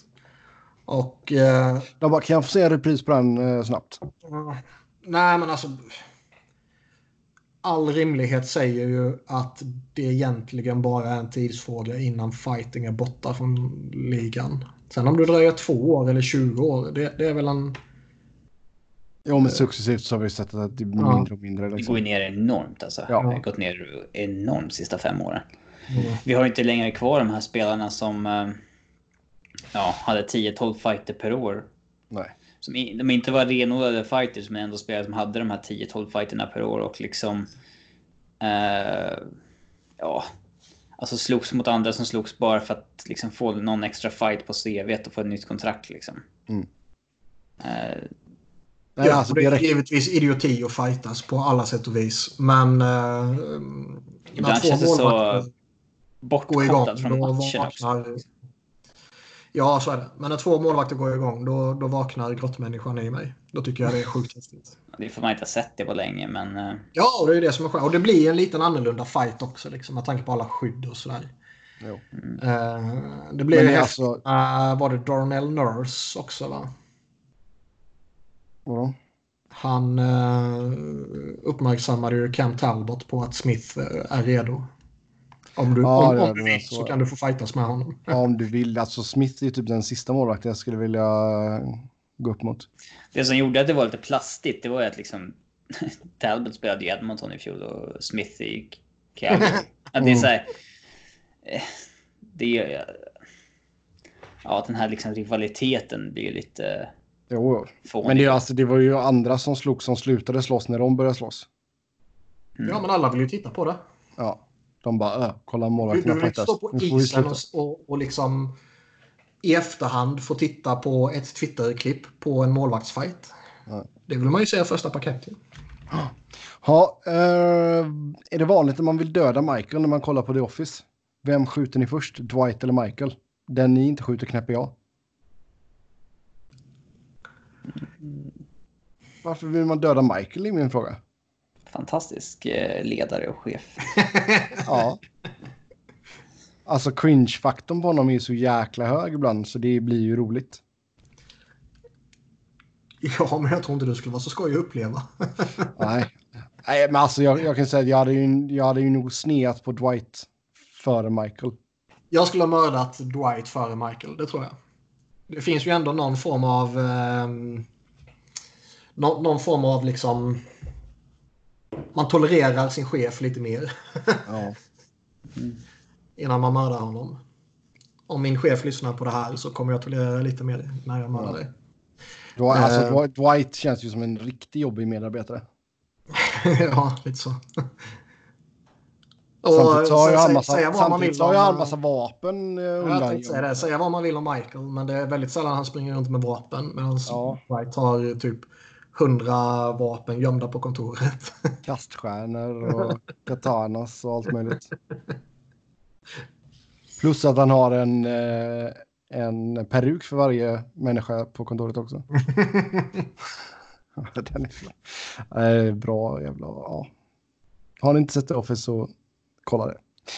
Um, vad tror ni händer med Kreider nu? Stannar han efter skadan? Alltså han var ju tillbaka ganska snabbt. Um... Det var lite intressant. Uh, Brooks var ju ute och skrev en krönika häromdagen om att det är helt sjukt att Rangers inte har börjat prata med Chris Kreider. Och sen gick det typ två dagar. Sen kom det ut rykten om att Rangers har börjat prata med Kreider. Ja. Och om det stämmer att man inte börjat prata med honom förrän nu så är det ju fan märkligt. Ja, alltså. Jag kan ju se ett värde i att ha kvar honom, men... Det är ju som liksom, även om man har bestämt sig för att äh, men vi kommer nog vilja försöka trada honom. Mm. Så är det jävligt märkligt att inte kolla av läget med honom. Jo. Jag menar, säger han att nej, men jag är redo att stanna i, i Rangers på treårskontrakt värt 6 miljoner. Ja. Ja, då signar man väl honom. Ja, exakt. Nu är väl det osannolikt, men liksom man måste ju prata med honom såklart. Jo. Um, det är ju fortfarande ett par veckor kvar till deadline, så mycket kan ju ske innan dess. Jag... Uh, alltså Rangers... Man måste trada honom alltså. Jag tror han kommer ge ett bra utbyte och det är en spelare som jag inte vill förlänga med. Mm. Ja. Uh, ska vi se. Välj ut varsin bottom six-spelare, en sjätte sjunde back och en backup-målvakt som ni skulle vilja ha in i era lag.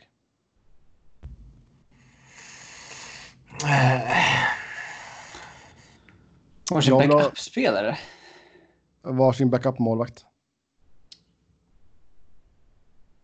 Jag vi är börja med målvakt då? Men, eh, Vad fan finns det där? Ehm, Jag vill ha en frisk Antiranta.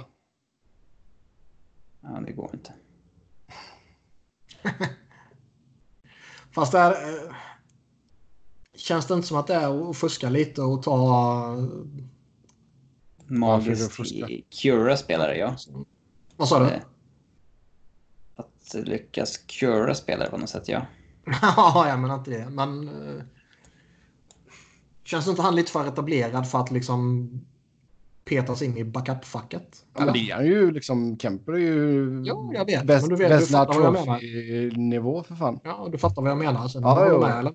Jag Ja, utnyttjar men- systemet helt enkelt. Ja. Frisk Antiranta. Tack. Alltså...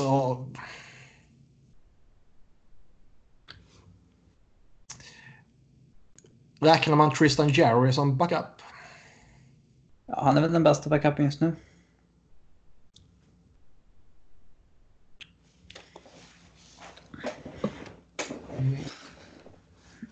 Jag är rätt nöjd med Pavel Franzus också. Jo, men nu Ja, måste- Brian Elliott har varit bra också, men... eh, Nej, det har han inte. jo, för att vara i relation till vem man är och vad man förväntar sig och hoppas på så är han väl bra. Men uh, Jerry är väl... Såg du när jag trollade med Flyers-fansen under Devils-matchen? Ja, det gjorde jag. Jag var väldigt tacksam att jag var bortrest och missade den matchen. Ja. Skoj. Mm. finns ju ingen fanbase som hugger snabbare tror jag. Både Montreal och Toronto fanbasen kan vara väldigt lättkränkta. Mm.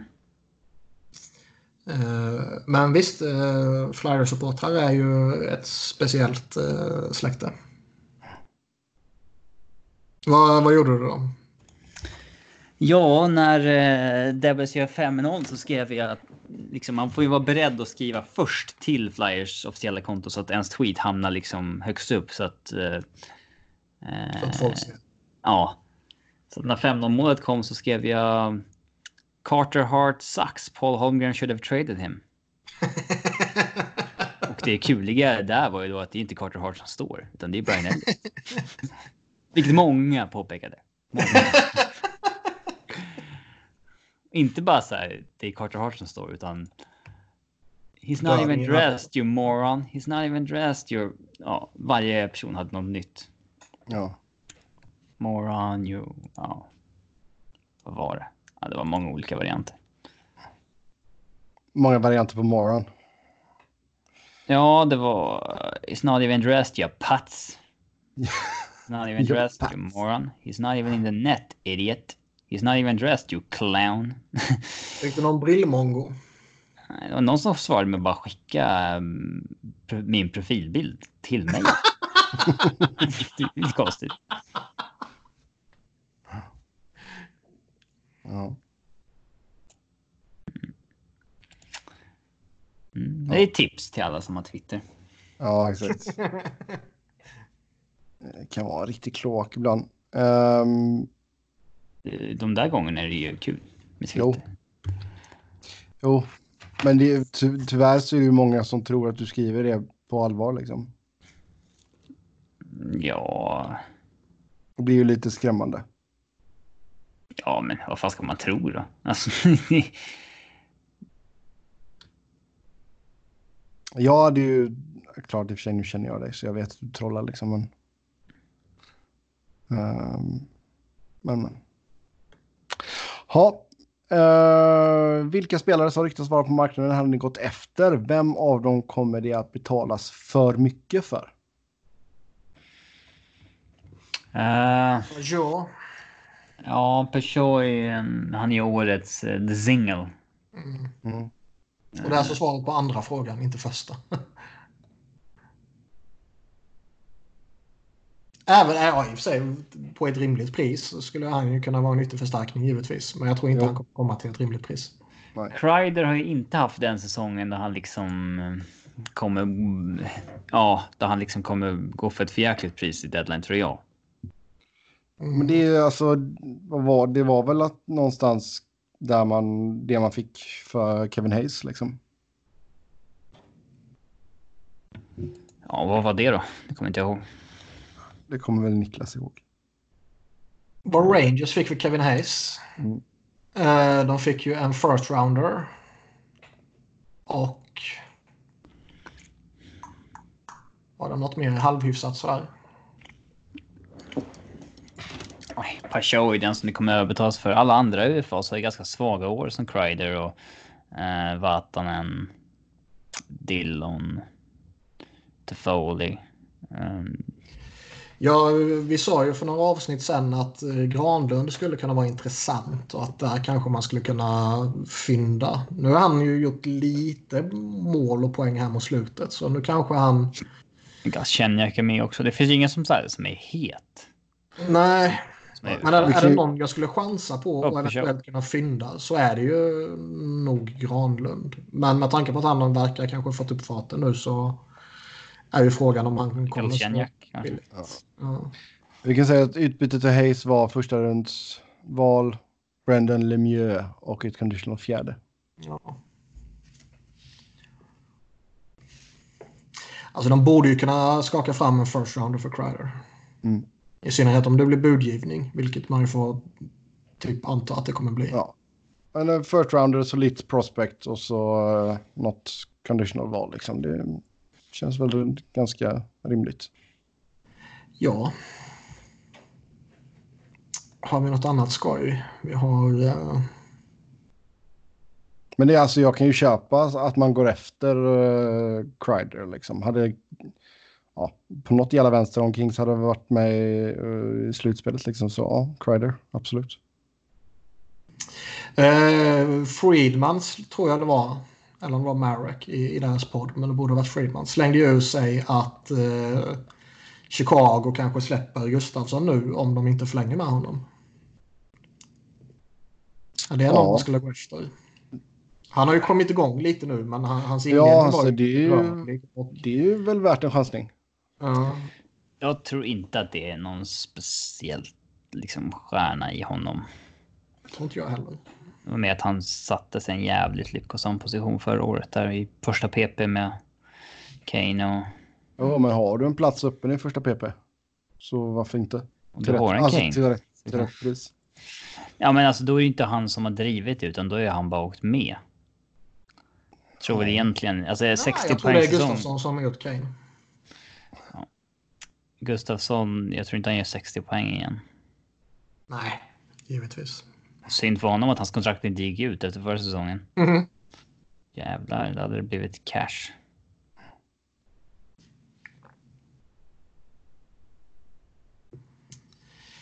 Men han, det känns inte som att det är någon sån där solklar monsterspelare som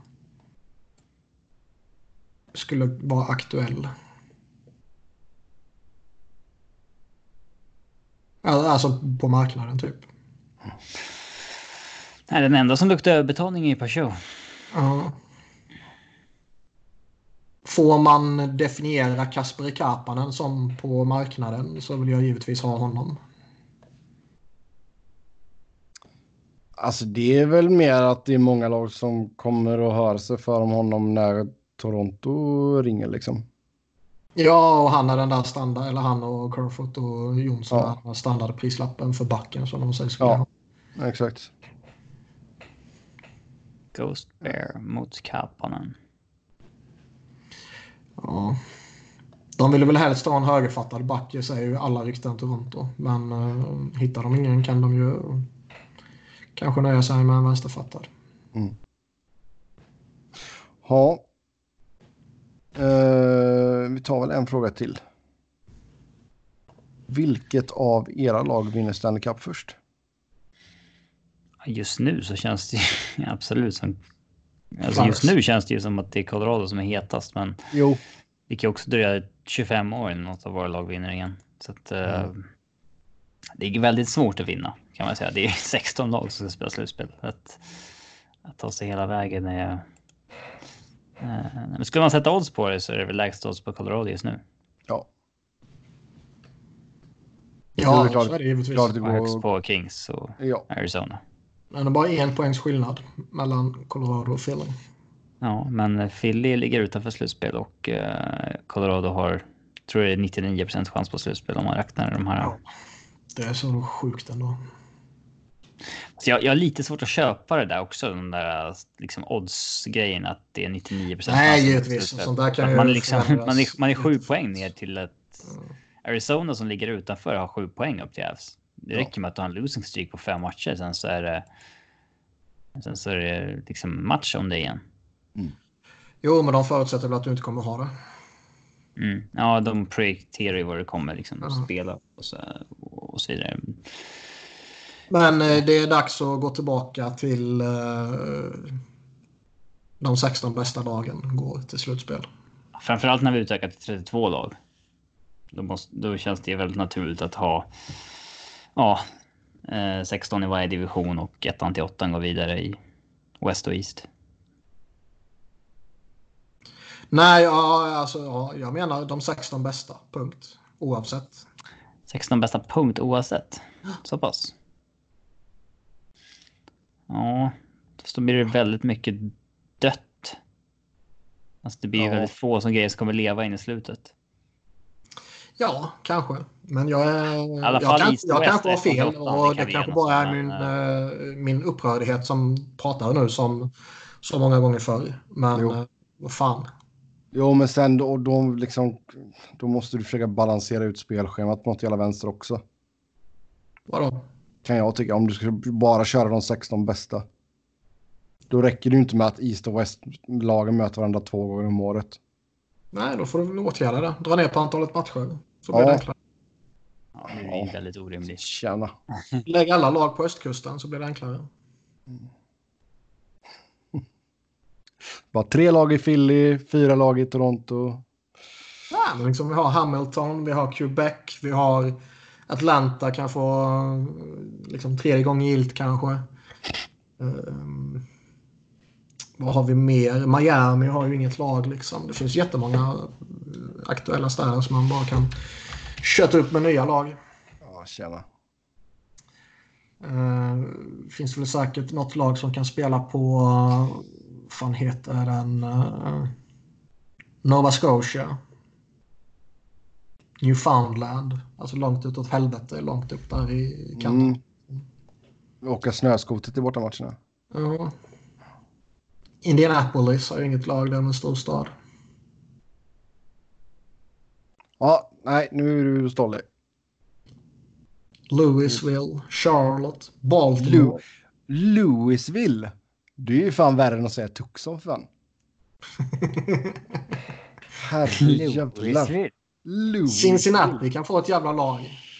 Du, vi har Cyclones, ECHL. Huh.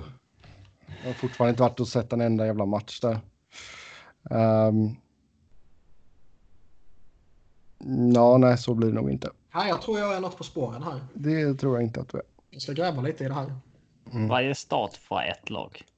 Då får de ju enas om att ta bort ett par från uh, uh, New Jersey och uh, komma fram till... New Jersey är väl enda laget i New Jersey? Eller har jag, ja. har jag missat någonting? Ja. Nej, de är väl de enda innanför den border. Ja, New York får man väl uh, New York både får... Buffalo och Islanders ifrån. För Rangers kommer inte flytta på sig. Ja. ja, det blir ingenting med det i alla fall. Med det så tar vi och rundar av för den här gången. Jag ska ringa till Gary. Ja, gör du så. Dela upp det i Eastern Hockey League och Western Hockey League.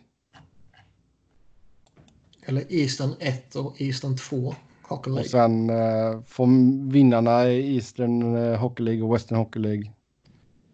Men tänk, Eh, vad enkelt allting skulle vara om typ liksom Dallas och Minnesota och det där är liksom de mest västliga lagen. Winnipeg, alla ligger ju typ på rad där liksom. Ja. Och sen ligger alla inom, vad blir det, två eller tre tidszoner där liksom. Man slipper de här äckliga matcherna vid 04, 04.30. Det är ett väldigt lokalt problem för oss dock. Ja. Vad sa du att? Det är bara vi som bryr oss om det. Ja, men det är till ju- sena matcher. Jag tänker ju bara på mig själv. Mm. Sen är det ju de här töntarna som Sebbe som Åh, matchen börjar klockan 22 ikväll. Jag vet inte om jag orkar sitta uppe och titta. Nej, Ja. kolla, kolla en period eller två och sen går jag och lägger mig. Ja, det är sjukt. Men, ja. Det är ganska mysigt. Ibland kan man slå på den radion också. Är NHL-appen. kan man ligga och somna till det. Det är väldigt sällan jag inte har kollat klart en match jag börjat kolla på dock. Alltså. Ja, ja det är ju om det går, den går helt åt helvete. Ja, det ligger under 5-0 liksom. Mm. Då, men ofta så det är ganska enkelt på Viaplay att bara pausa och sen kolla vidare på morgonen. Jo. Mm. Ja, vi tar och rundar av här. Som vanligt ska ni köra åka med oss via Twitter. Mig heter ni på Norden, Niklas på Niklas Wiberg, Niklas med C och Wiberg med enkel V. Och Robin hittar ni på R underscore Fredriksson. Tills nästa gång, ha det gött. Hej! Hej!